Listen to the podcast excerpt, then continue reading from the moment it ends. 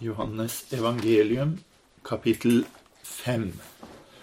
Og vi kan lese gjennom det kapitlet der. Etter dette var det en av jødenes høytider, og Jesus dro opp til Jerusalem. Ved saueporten i Jerusalem er det en dam som på hebraisk heter Betesta. Den er fem søyleganger. I disse lå det en mengde syke, blinde, lamme, vannføre, som ventet på at vannet skulle bli satt i bevegelse. For en engel steg fra ti til annen ned i dammen og rørte opp vannet. Den som da først steg ned etter at vannet var blitt opprørt, ble frisk. Hva sykdom han så led av. Det var en mann der som hadde vært syk i 38 år. Jesus sa ham ligge der og visste at han hadde vært syk i lang tid. Han sa da til ham, vil du bli frisk?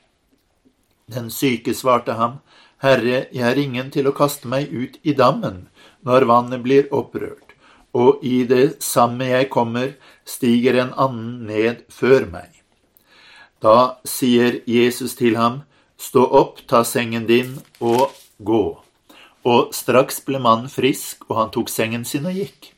Men det var sabbat den dagen. Judeerne sa da til ham som var blitt helbredet, det er sabbat, og du har ikke lov til å bære sengen. Men han svarte dem, Han som gjorde meg frisk, sa til meg, Ta sengen din og gå. De spurte ham, Hvem er den mannen som sa til deg, ta den og gå? Men han som var blitt helbredet, visste ikke hvem det var, for Jesus hadde trukket seg tilbake da det var mye folk til stede. Senere fant Jesus mannen i tempelet og sa til ham, Se, du er blitt frisk, synd ikke mer, for at ikke noe verre skal hende deg. Mannen gikk bort, og han fortalte til judeerne at det var Jesus som hadde gjort ham frisk. Og derfor forfulgte judeerne Jesus fordi han gjorde dette på en sabbat, men Jesus sa til dem, Min far arbeider inntil nå, også jeg arbeider. Derfor sto da judeerne ham enda mer etter livet, fordi han ikke bare brøt sabbaten, men også kalte Gud sin egen far og gjorde seg selv lik Gud. Jesus svarte da og sa til dem, Sannelig, sannelig, sier jeg dere, Sønnen kan ikke gjøre noe av seg selv, men bare det han ser Faderen gjøre. For det han gjør, det gjør Sønnen likeså.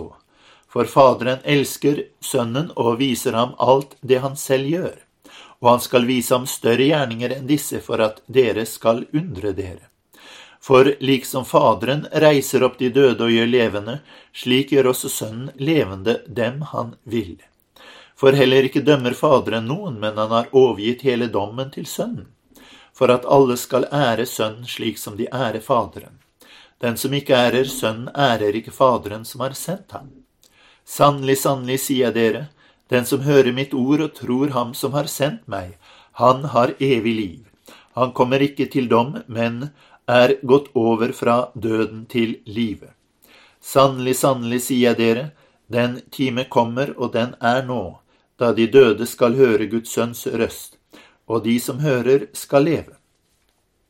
For liksom Faderen har liv i seg selv, slik har han også gitt Sønnen å ha liv i seg selv, og han har gitt ham makt til å holde dom fordi han er menneskesønn. Undre dere ikke over dette, for den time kommer da alle de som er i gravene, skal høre hans røst, og de skal komme ut, de som har gjort det gode til livets oppstandelse, men de som har gjort det onde til dommens oppstandelse. Jeg kan ikke gjøre noe av meg selv, etter det jeg hører, dømmer jeg, og min dom er rettferdig. For jeg søker ikke min vilje, men Hans vilje som har sendt meg. Dersom jeg vitner om meg selv, er mitt vitnesbyrd ikke sant. Det er en annen som vitner om meg, og jeg vet at det vitnesbyrdet han vitner om meg, er sant. Dere har sendt bud til Johannes, og han har vitnet for sannheten. Ikke så at jeg tar imot vitnesbyrd fra et menneske, men dette sier jeg for at dere skal bli frelst. Han var det brennende og skinnende lyset, men dere ville bare en kort stund glede dere i hans lys. Men jeg har det vitnesbyrd som er større enn det Johannes gav. For de gjerningene som Faderen ga meg å fullføre, selve gjerningene som jeg gjør, vitner om meg at Faderen har sendt meg og Faderen som har sendt meg, han har vitnet om meg. Verken har dere noen gang hørt hans røst eller sett hans skikkelse, og hans ord har dere ikke værende i dere, for den han har sendt, han tar det, tror dere ikke. Dere gransker Skriftene fordi dere mener at dere har evig liv i dem, og disse er det som vitner om meg. Men dere vil ikke komme til meg for å få liv. Jeg tar ikke mot ære fra mennesker, men jeg kjenner dere og vet at dere ikke har Guds kjærlighet i dere. Jeg er kommet i min fars navn, og dere tar ikke imot meg. Kommer en annen i sitt eget navn, han vil dere ta imot. Hvordan kan dere tro, dere som tar ære av hverandre? Og den ære som er av den eneste Gud, den søker dere ikke. Tenk ikke at jeg vil anklage dere hos Faderen. Den som anklager dere, er Moses, han som dere har satt deres håp til. For hvis dere trodde Moses, så hadde dere trodd meg for det er meg han har skrevet om. Men hvis dere ikke tror hans skrifter, hvordan kan dere da tro mine ord? Så skal jeg bare lese igjen fra kapittel 20 og vers 30. Også mange andre tegn gjorde Jesus for disiplenes øyne, tegn som de ikke er skrevet om i denne boken, men disse er skrevet for at dere skal tro at Jesus er Messias, Guds sønn, og for at dere ved troen skal ha liv i hans navn. Så her er vi igjen kommet til et tegn Jesus gjør, men her er det at Jesus helbreder en mann ved Betestadammen. Det var en mann som hadde vært syk i 38 år. Og eh, han hadde ligget der, og Jesus får høre om dette, og Jesus går til ham og spør ham og sier til ham, 'Vil du bli frisk?' står det der i Johannes 5, vers 6. Vil du bli frisk? Og eh, denne mannen, han eh, hadde jo ligget der i 38 år.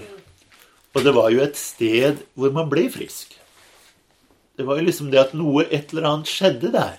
Og så gikk de ned i, i den dammen, og så, så ble de friske. Men her har du en mann som har ligget der i 38 år. Og eh, han var nok vant til at folk spurte ja, ja vil du egentlig bli frisk? Så du ligger her år etter år etter år etter år. Vil du bli frisk, eller hva, hva er det som skjer? For eh, det var nok eh, en del som hadde litt, litt mistanker til ham at eh, ja, det er nok Han er nok ikke helt interessert i å bli frisk, han der. Han foretrekker nok å være sjuk, så han kan sitte der og, og, slippe å jobbe og bare ta imot penger som folk gir til ham. Han hadde nok hørt en del sant. Så når Jesus kommer og spør om vil du bli frisk, så, så svarer han egentlig ikke på det. Det han svarer på, er hvorfor han ikke er blitt frisk. Han sier at 'jeg har ingen til å kaste meg uti', og i det samme jeg kommer, stiger en annen ned før meg. Så vi, vi vet ikke hva han var sjuk av, men det var tydeligvis noe som gjorde at han ikke kunne gå. Så han eh, dro seg vel da av gårde, liksom dro seg med hendene kanskje av gårde, eller prøvde å humpe av gårde til han kom ned til der hvor vannet var, for han satt vel sikkert vanligvis litt oppe, sånn han kunne tigge litt mat og forskjellig fra de som gikk forbi.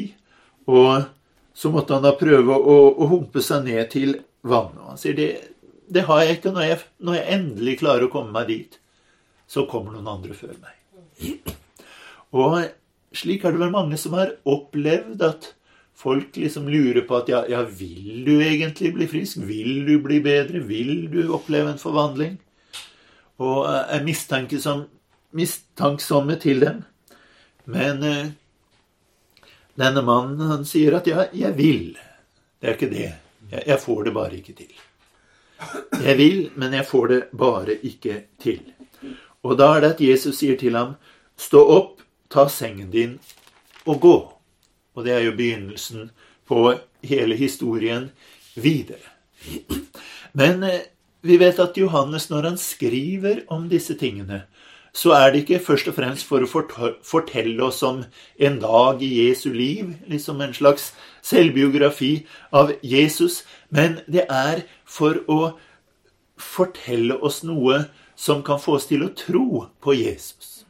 Og da må vi jo regne med at Jesus han gjorde også det han gjorde for at folk skulle tro på ham, for at folk skulle forstå hvem han er. Og det er det han sier mot slutten, at gjerningen han gjør, de vitner om ham. Det var gjerninger som skulle vitne om hvem Jesus var. Og her ser vi en veldig interessant gjerning Jesus gjorde. For hvis du legger merke til når de senere spurte at 'Hvem er den mannen?' Ja, så visste han det ikke. Han visste ikke hvem det var. Det er, det er mange ganger Jesus spør at 'Tror du jeg kan gjøre dette?' Og det står at de trodde på ham. Men dette var en mann som ikke trodde på Jesus.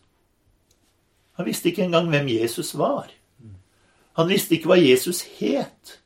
Han hadde ingen anelse om Jesus, for han var Jesus bare en eh, vanlig mann som gikk forbi. Han sier til ham, 'Herre, jeg har' og Det var vanlig høflig tiltale, altså. Du skjønner det, min gode mann, at eh, det er slik det forholder seg. Han eh, trodde Jesus var et helt vanlig menneske, til Jesus sa til ham at ta og rull sammen den matta du ligger på, og så går du hjem. Og plutselig så var han frisk. Så her er det et eksempel, ikke på en som trodde på Jesus, og som opplevde noe fordi han trodde Jesus, men det var et eksempel på en som ikke engang visste hvem Jesus var, men som fikk oppleve noe i sitt liv. Plutselig, etter 38 år, så fikk han oppleve en inngripen i sitt liv. Og det er jo litt interessant, det som skjer videre. Han får beskjed om å gå hjem, og det gjør han jo. Og så er det en som sier til ham at eh, det er sabbat, du har ikke lov til å bære seng. Sabbaten var jo helligdagen, og da var det veldig strenge regler for hva man kunne og ikke kunne gjøre. Og du kunne ikke bære en seng. Det, det var en av reglene. Så nå var jo ikke det her en stor sånn seng som vi tenker på. Det var en et liggeunderlag, om du vil, som du kunne rulle sammen og, og ta under armen og, og, bære med deg. Men eh, han eh, bare sier til ham at eh, det er sabbat. Og når du ser på det, så er han ikke særlig fiendtlig, han som sier det, i vers 10. Det er, det er bare informasjon. Altså, du, du, har glemt at det er sabbat i dag. Han regner vel med at så fort han fikk høre at det er sabbat, så hadde han eh, sluppet ned den, og så hadde saken vært over. Men eh, så er den ikke over, for han eh, sier at han som gjorde meg frisk, sa at ta sengen din og gå. Og så får vi jo det interessante svaret hvem er den mannen som sa ta den og gå? Så her er det en mann som har vært sjuk i 38 år, som ikke kan bevege seg, og som plutselig blir helbredet. Men det han sier, er ikke at 'hvem er han som helbredet deg'? Det han sier, er at 'hvem er han som sa at du kunne bære en seng på sabbaten'? Det, det var det de var opptatt med. At det, det var forbudt å bære en seng på sabbaten. Vel, det, det, var det som skjedde. Så skjedde det sant sett ikke noe mer før en stund etterpå, for det står i vers 14 at senere, altså et eller annet tidspunkt senere, så er det at Jesus treffer mannen i tempelet. Og det er jo i hvert fall noe positivt å si om denne mannen. At når han ble helbredet, så begynte han å gå i tempelet. Da kom han seg dit for han kunne takke Gud for det som hadde skjedd. Det hadde han i hvert fall vett til å gjøre. Så Jesus sier til ham at synd ikke mer. Han sier, se du bli frisk, synd ikke mer, for at ikke noe verre skal hende deg. Så han sier her sånn sett at eh, det, hvis du fortsetter å synde, så kan du bli sjuk igjen. Da kan noe verre skje. Men synd ikke noe mer. Og mannen, han går da tilbake til de andre og forteller at 'nå vet jeg hvem det var som helbredet meg'. Det var Jesus. Jeg vet ikke helt hva slags mann denne mannen var. Han har fått beskjed om at uh, man, det er ikke lov det der å, å, gjøre sånne ting på sabbaten. Og så fort han finner ut at det er Jesus, så springer han av gårde til dem og sier det var Jesus som sa det. Han legger jo opp til at Jesus skal få problemer. Så eh, hvordan han egentlig var, det vet jeg ikke. Enten var han en skikkelig feiging som prøvde å liksom slippe unna problemene mest mulig, eller så var han ikke så veldig oppvakt, den her at han ikke helt fikk med seg hva som skjedde. For han kunne jo bare latt være å si noe sånn sett, så hadde saken vært over. Men det ser ut som han springer tilbake med en gang og sier at det, det var Jesus som sa det. Han, han skyld. Han sa det. Men denne mannen han, han tok jo heller ikke og, og fulgte etter Jesus. Etter at Jesus snakka til ham, så gikk han tilbake til de andre og snakka til ham. Altså, det var jo en litt tvilsom person, egentlig, denne personen som Jesus hadde helbredet. Men allikevel så hadde Jesus helbredet ham. Og når Jesus hadde helbredet ham, så kom vi videre til den samtalen og talen som oppfyller resten av kapitlet. Og den begynner jo med at eh, de de kom etter Jesus fordi han hadde helbredet på en sabbat. Og det Jesus sier i vers 17, er at min far arbeider inntil nå, også jeg arbeider. Altså, Det han sier på en måte at her er arbeidsdagen, den er i full gang. Min far, han arbeider, og, og det gjør jo jeg òg. Og eh, da er det at de står ham etter livet. For det, det å bryte sabbaten var jo én ting.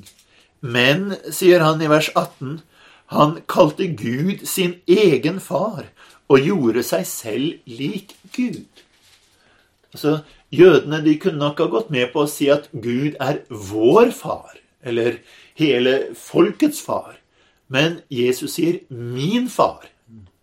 Helt spesielt, han er min far. Og ikke bare det, men han sier at han arbeider, og det gjør jeg også. Han gjorde seg selv lik Gud. Vi har sett i kapitlene før, i kapittel 3 snakker han med Nikodemus. Nikodemus sier at 'vi vet at du er en lærer kommet fra Gud'. Men det er ikke godt nok for Jesus. Og Jesus sier bare til ham at du, du må bli født på ny. Du har ikke helt fått med deg det viktige her. Du må bli født på ny, slik at du skjønner at det er noe mer enn en lærer. Den neste han treffer på, er kvinnen ved brønnen. Hun sier at 'ja, jeg ser at du er en profet'. Men også der så var det ikke bra nok. Jesus er mer enn en profet. Det er ikke det at han ikke er en lærer eller ikke er en profet, men han er mer enn en lærer og mer enn en profet. Og kvinnen hun begynte i hvert fall å skjønne litt av hvem han var. Og Så hun sier at eh, jeg har truffet en som har sagt meg alt jeg har gjort. Han skulle vel ikke være Messias? Så hun hadde i hvert fall kommet dit hen at hun forsto at han var Messias. Og eh, de samaritanerne som hørte på henne, i kapittel 4, vers 42, så står det de sa til kvinnen, nå tror vi ikke lenger på grunn av det du sa, for nå har vi selv hørt, og vi vet at han i sannhet er verdens frelser.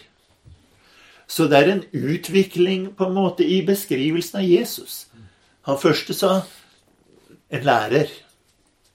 Det var ikke nok. Neste sier at du er en profet. Det er heller ikke nok.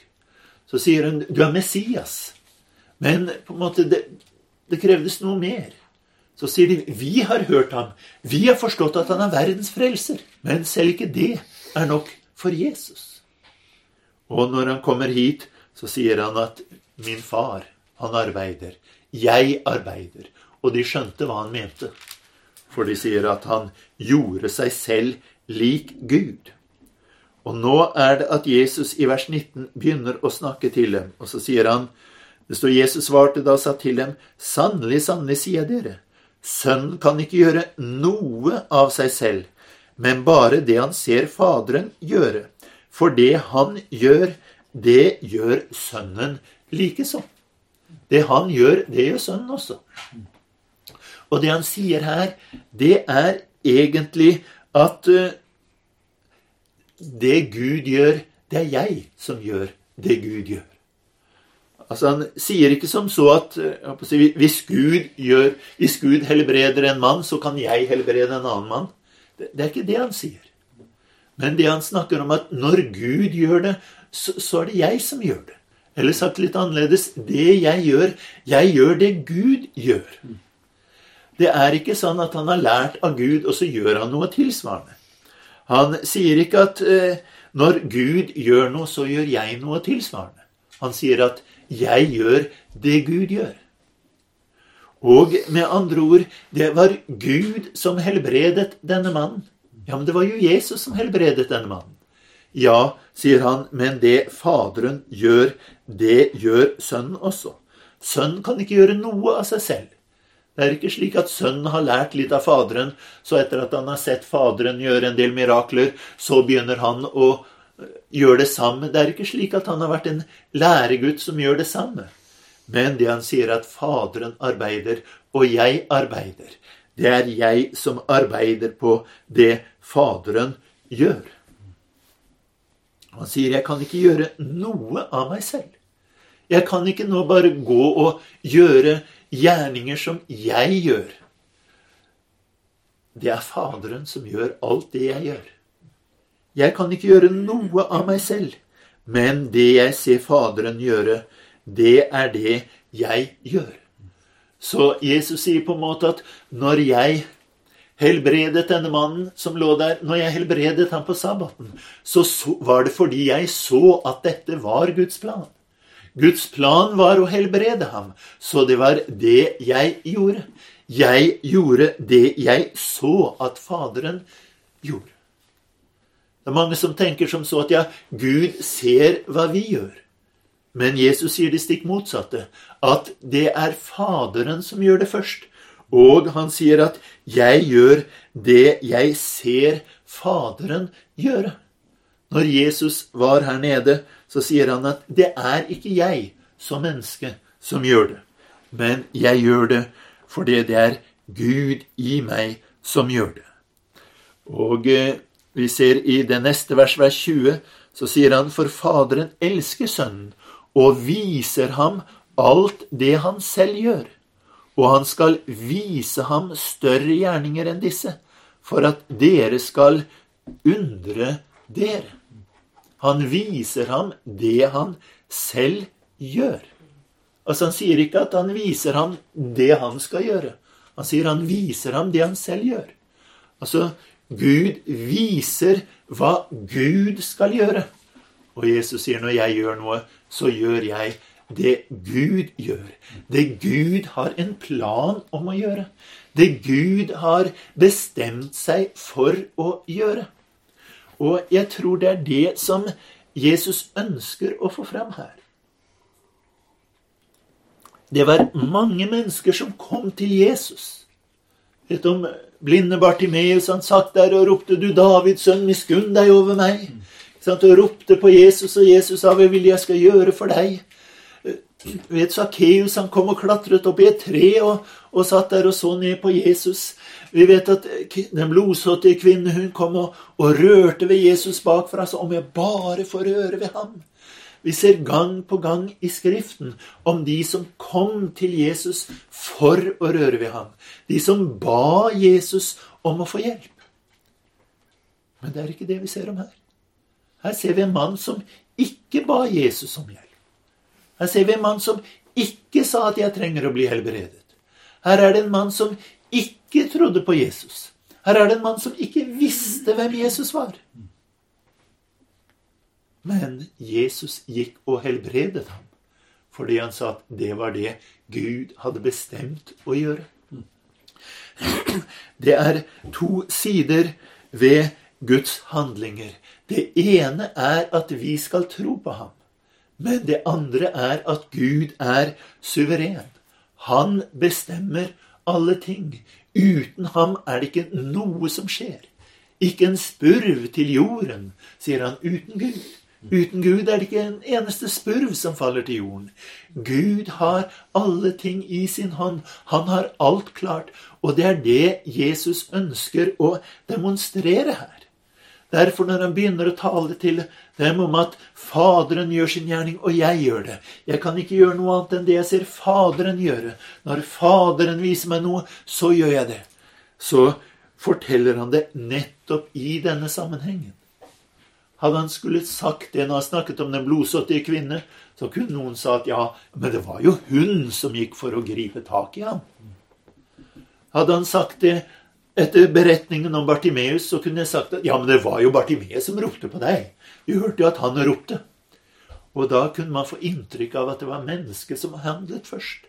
At Bartimeus handlet først, at kvinnen handlet først. Men her så gjorde jo ikke mannen noen ting. Han bare satt der, han. Og håpet på at noen skulle hjelpe han kanskje en eller annen gang. Men sannsynligvis hadde han vel nesten gitt opp så er det at Jesus kommer, og Jesus helbreder ham. Ikke på grunn av noe han hadde gjort. Han sier jo igjen til ham at uh, synd ikke mer, for at noe, ikke noe verre skal hende deg.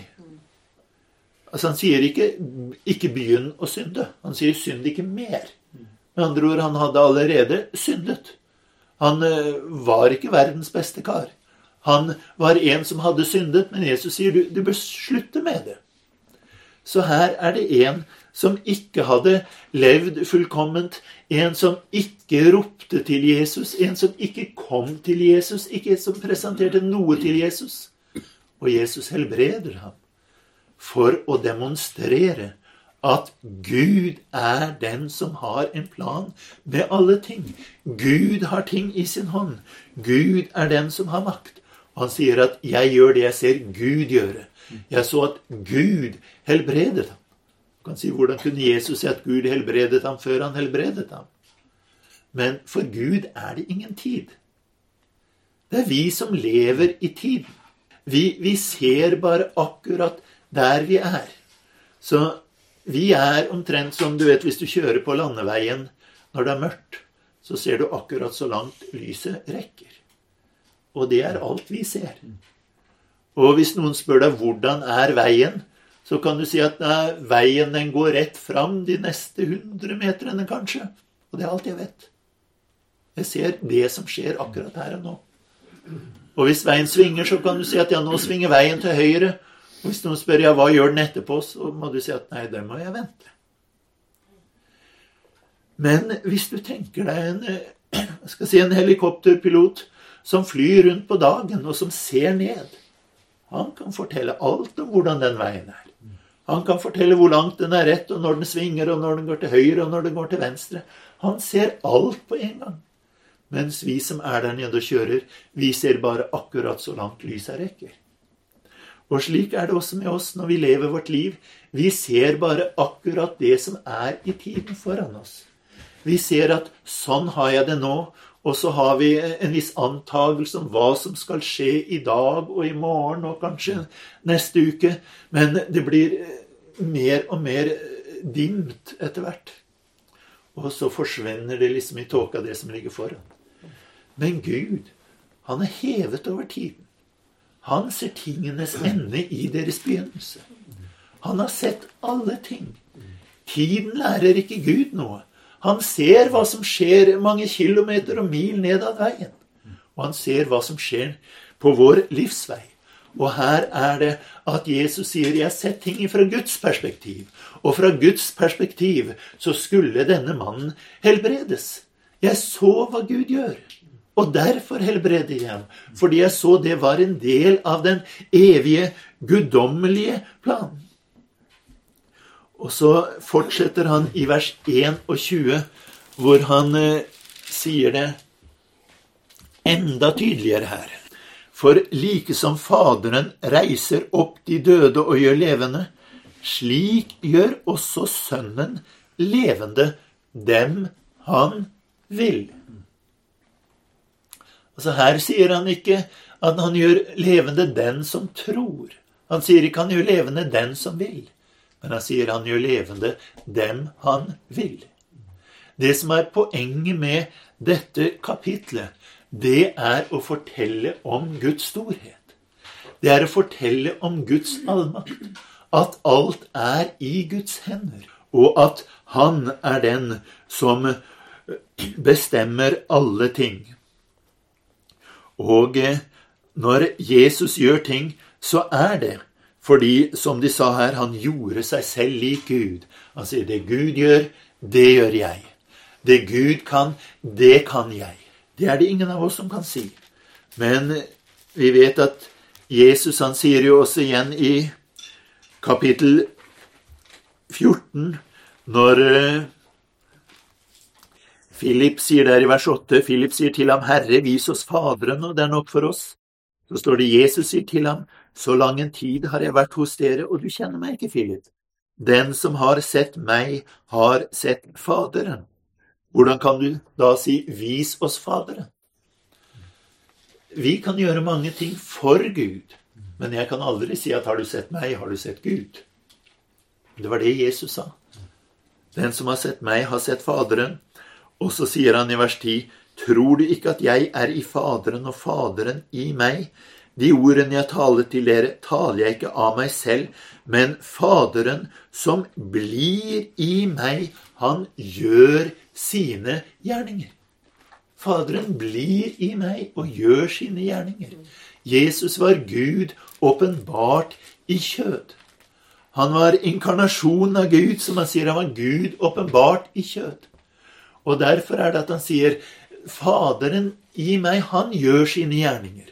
Så Jesus han sier at 'jeg er ikke et selvstendig menneske som gjør det jeg sjøl vil'. Men han var en som alltid gjorde det Gud ville, fordi Faderen i ham gjorde sine gjerninger. Men når Jesus gjorde det, så var det fordi at han måtte komme ned hit og erfare det vi erfarer. Han er prøvd i alt, i likhet med oss, dog uten synd. Og du vet, Jobb han sier at han er ikke et menneske som meg. Og det var anklagen Jobb hadde mot Gud. Han er ikke et menneske som meg, han kan ikke forstå meg. Jobb 9. Men så er det at Jesus, han kom ned og ble et menneske som deg og meg.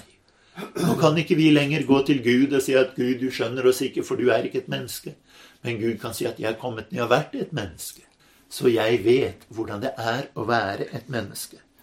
Og det er derfor han sier her at han eh, har overgitt dommen til Sønnen fordi han er en menneskesønn.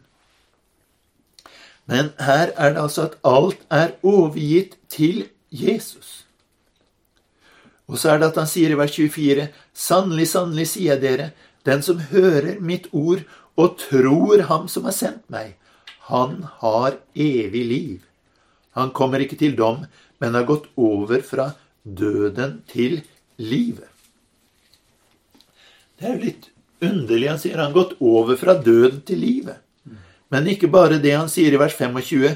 Sannelig, sannelig, sier dere, den time kommer, og den er nå, da de døde skal høre Guds sønns røst, og de som hører, skal leve.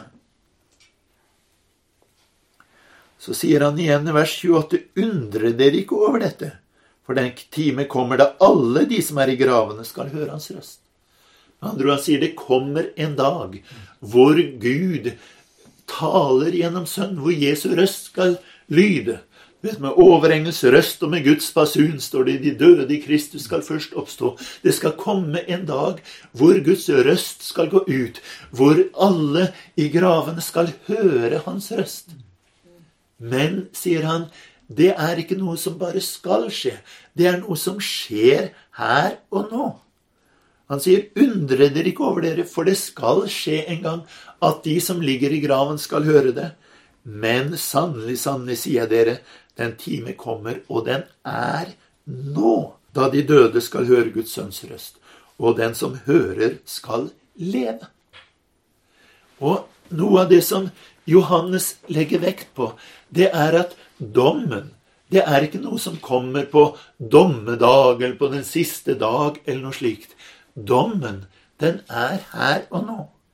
Du vet han sier i Johannes 3 og vers 17 For Gud sendte ikke sin sønn til verden for å dømme verden, men for at verden skulle bli frelst ved ham. Den som tror på ham, blir ikke dømt. Den som ikke tror, er allerede dømt, fordi han ikke har trodd på Guds enbårne sønns navn. Med andre ord, han sier at dommen er ikke noe som skal komme når du dør, eller som skal komme i oppstandelsen, eller som skal komme på den siste dag. Dommen er noe som er her og nå. Derfor sier han også, du vet, i Johannes 17, i Jesu ypperste prestelige bønn, og vers 3, så sier han altså, vi kan ta vers 2. Like som det har gitt ham makt over alt kjød, for at han skal gi evig liv til alle dem som du har gitt ham. Og dette er det evige liv, at de kjenner deg, den eneste sanne Gud, og han ble utsendt til Jesus Kristus. Han sier ikke at det evige liv, det er at det blir oppvakt fra de døde, og så skal inn i himmelen. Men det evige liv er å kjenne Gud. Og det kan vi gjøre her og nå. Vi skal ikke gå og vente på det evige liv, men vi kan få del i det evige liv her og nå. Når Jesus reiste opp denne mannen som var der og det ligget der i 38 år, og som ikke klarte å gjøre noe selv, så er det for at han, fordi at han skal kunne fortsette å si det han sier her, at Sønnen gjør levende den han vil. Og den røsten, den kan du høre nå. Det kommer en dag hvor Guds røst skal gå ut, hvor Jesu røst skal vekke opp alle de døde. Og alle skal oppstå og gå frem til dommen. Men, sier han, den kan vi få oppleve her og nå. At vi kan gå over fra døden til livet. At vi kan gå ut ifra dommen her og nå. Og dette har med vårt forhold til Jesus å gjøre. Det er det han sier her at den som hører mitt ord og tror Ham som har sendt meg, han har evig liv. Høre Hans ord og tror Ham som har sendt meg. Legg merke til, det står ikke her 'tror på Ham som har sendt meg'. Det er ikke det det står. Det står 'tror Ham'. Og det er en viss forskjell på å tro på og det å tro noen det å tro på Gud, så kan du si at ja, jeg tror på Gud. Alle tror på Gud. Ikke alle, men veldig mange. Om de er aldri så ugudelige, så kan de tro på Gud. De kan uh, ha en hvilken som helst religion, og de kan tro på Gud. De kan være vanlige, verslige folk og tro på Gud. Men det han snakker om her, er ikke å tro på Gud, men å tro ham. Med andre ord tro det han sier. Tro at det han sier, er sant. Tro at det budskapet han har gitt, er riktig. Tro at når han sier noe, så er det noe som skal gjøres, noe som skal følges, noe som gjelder. Og det er derfor han sier at den som hører mitt ord og tror ham, det er det som gjelder å høre ham og å tro ham som han hører. Hele resten av kapitlet dreier seg om vitnesbyrd om hvem Jesus er. Han sier at Johannes, han vitnet om meg. Dere sendte bud til ham, og han fortalte at 'jeg er ikke Messias'. Jeg bare går foran ham. Men se der, Guds lam, som bærer verdens synd. Han sier Johannes, han vitnet om meg. Han sier Faderen, han har vitnet om meg. Og, sier han, Skriftene, de vitner om meg. Han sier i vers eh, 39, dere gransker Skriftene fordi dere mener at dere har evig liv i dem, og disse er det som vitner om meg. Men, sier han, dere vil ikke komme til meg for å få liv. Dere kan eh, gå til Skriftene, men dere kommer ikke til meg. Men Skriftene taler om meg. Og eh, det er noe som er veldig viktig for oss å få med oss. Leser jeg Bibelen bare for å ha lest Bibelen? Jeg er jo litt religiøs, så jeg må jo lese Bibelen. Eller leser jeg Bibelen for å finne Jesus? Det er det han sier at dere gransker Skriftene fordi dere mener at dere har evig liv i dem, og disse er det som vitner om meg. Dere må begynne å tro på meg. Og det er mange som gjør ting for å få evig liv. De døper barna sine for at de skal få liv. De går til konfirmasjon for at de skal få liv. De går til kirken for at de skal få liv. Alt mulig gjør man for å, at liksom jeg, jeg skal gjøre meg fortjent til et evig liv. Men det Jesus sier, at det er kun én måte å få evig liv på, og det er å komme til ham. Det er å innse at Jesus er den han er det er å ikke diskutere med Jesus som disse gjorde, men det er å komme til Jesus og innse at ja, det Jesus gjør, det er det Gud som gjør. Og jeg trenger desperat at Gud gjør noe i mitt liv. Derfor må jeg komme til Jesus. For det er når Jesus gjør noe, det er da Gud gjør noe. Jeg må komme til Jesus, for alt det Gud gjør, det gjør han ved Jesus. Og det er det Jesus sier her. Faderen viser meg, han viser meg alt det han skal gjøre. Og jeg gjør det Faderen gjør. Det er jeg som gjør det. Så skal jeg få oppleve at han gjør noe, så må jeg komme til ham. Og det er da jeg får det evige liv. Og det er det han har talt til dem om. Nikodemus sa at 'du er en lærer'. Og jeg er også en lærer. Vi kan snakke litt lære. Men Jesus sier du må bli født på ny. Du må bli født på ny. Med andre ord, du må få et liv. Kvinnen kommer til ham og sier at 'Hvem er du? Hva er du for en?' Og han sier, 'Kjente du Guds gave? Visste du hvem det er som snakker med deg?' Så hadde du spurt ham, og han ville gitt deg det levende vann. Han sier, 'Det vann jeg vil gi ham, blir ham en kilde som veller frem til evig liv'. Så han sier til Nikodemus, 'Du må bli født på ny. Du må få et nytt liv'. Han sier til kvinnen, 'Du må få del i noe som gir deg et liv'. Og så kommer han hit, og så sier han til dem at sønnen gjør levende hvem han vil. Han gir det evige livet til den han vil. Og det er det som er det viktige kristenlivet. Det er nettopp et liv. Det er å få oppleve og få liv ifra ham. Derfor så er det at du vet, på pinsedag så sto han frem og sa at omvend dere, og enhver av dere la seg døpe på Jesu Kristi navn til syndenes forlatelse, så skal dere få Den hellige ånds gave. Han ønsket at de skulle gå over ifra døden til livet. Og derfor så sier også Paulus at Vet dere ikke at alle dere som ble døpt, vi ble døpt til hans død? Vi ble begravet med ham ved dåpen til døden, for at du skulle oppreises for å vandre i et nytt liv. Det var et menneske som innså 'Jeg er død i mine synder og overtredelser'. Det er de som kom til ham og fikk liv. Derfor så sa han når du kommer til ham, omvend dere og enhver av dere la seg døpe. Hvorfor det? Fordi jeg måtte innse at jeg er død i mine synder og overtredelser. Jeg må omvende meg, og jeg må få liv. Og derfor sier han som et symbol på dette, begrav det gamle. Begrav det gamle, for du må ha et liv å komme inn i. Det gamle, det må dø, men det nye, det skal bli til. Og det er derfor Jesus sier til ham at menneskesønnen, han gjør levende den han vil. Det er også mange mennesker i vår tid som kan si at ja, i 38 år så har jeg vært her. Jeg prøvd. Jeg prøvde i 38 år. Det var det denne mannen sa. Jeg prøvde i 38 år. Men eh, det holder ikke å prøve. Han var ikke blitt frisk ved å prøve. Han var ikke en latsekk som bare satt der. Han sier at 'jeg har ingen til å kaste meg ned', og før jeg kommer Med andre ord, han strevde, han kavde, han dro seg, han krøp. Men det var ikke nok til at han fikk oppleve å få liv. Og det er også mange som kan si at 'ja, men jeg har prøvd i hele mitt liv'. 'Jeg er 38 år gammel, og hele mitt liv så har jeg prøvd'.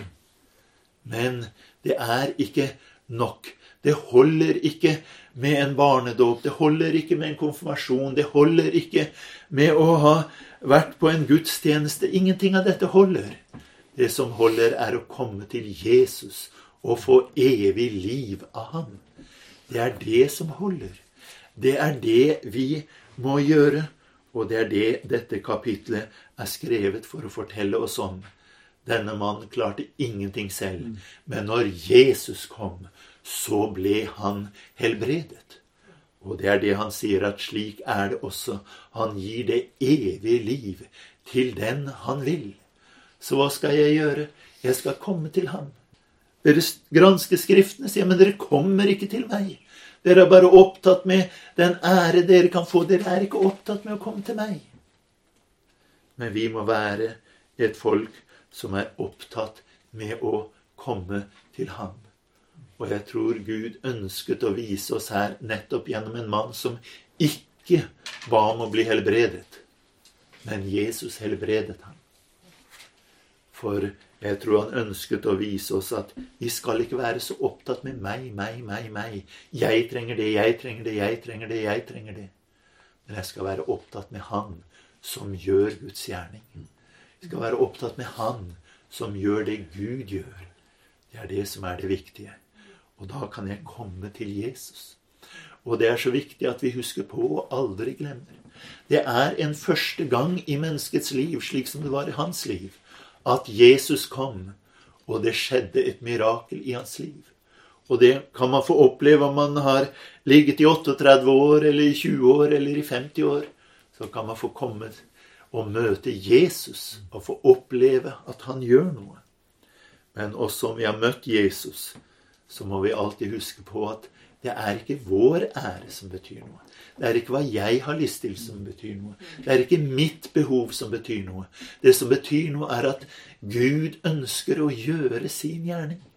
Han ønsker å gjøre det for å herliggjøre seg. Det var det det sto om Kana i Galilea. Dette sitt første tegn gjorde Jesus i Kana i Galilea. Og han viste sin herlighet. Og hans disipler trodde på ham. Og det er det med hvert eneste tegn han gjør, er for å vise sin herlighet.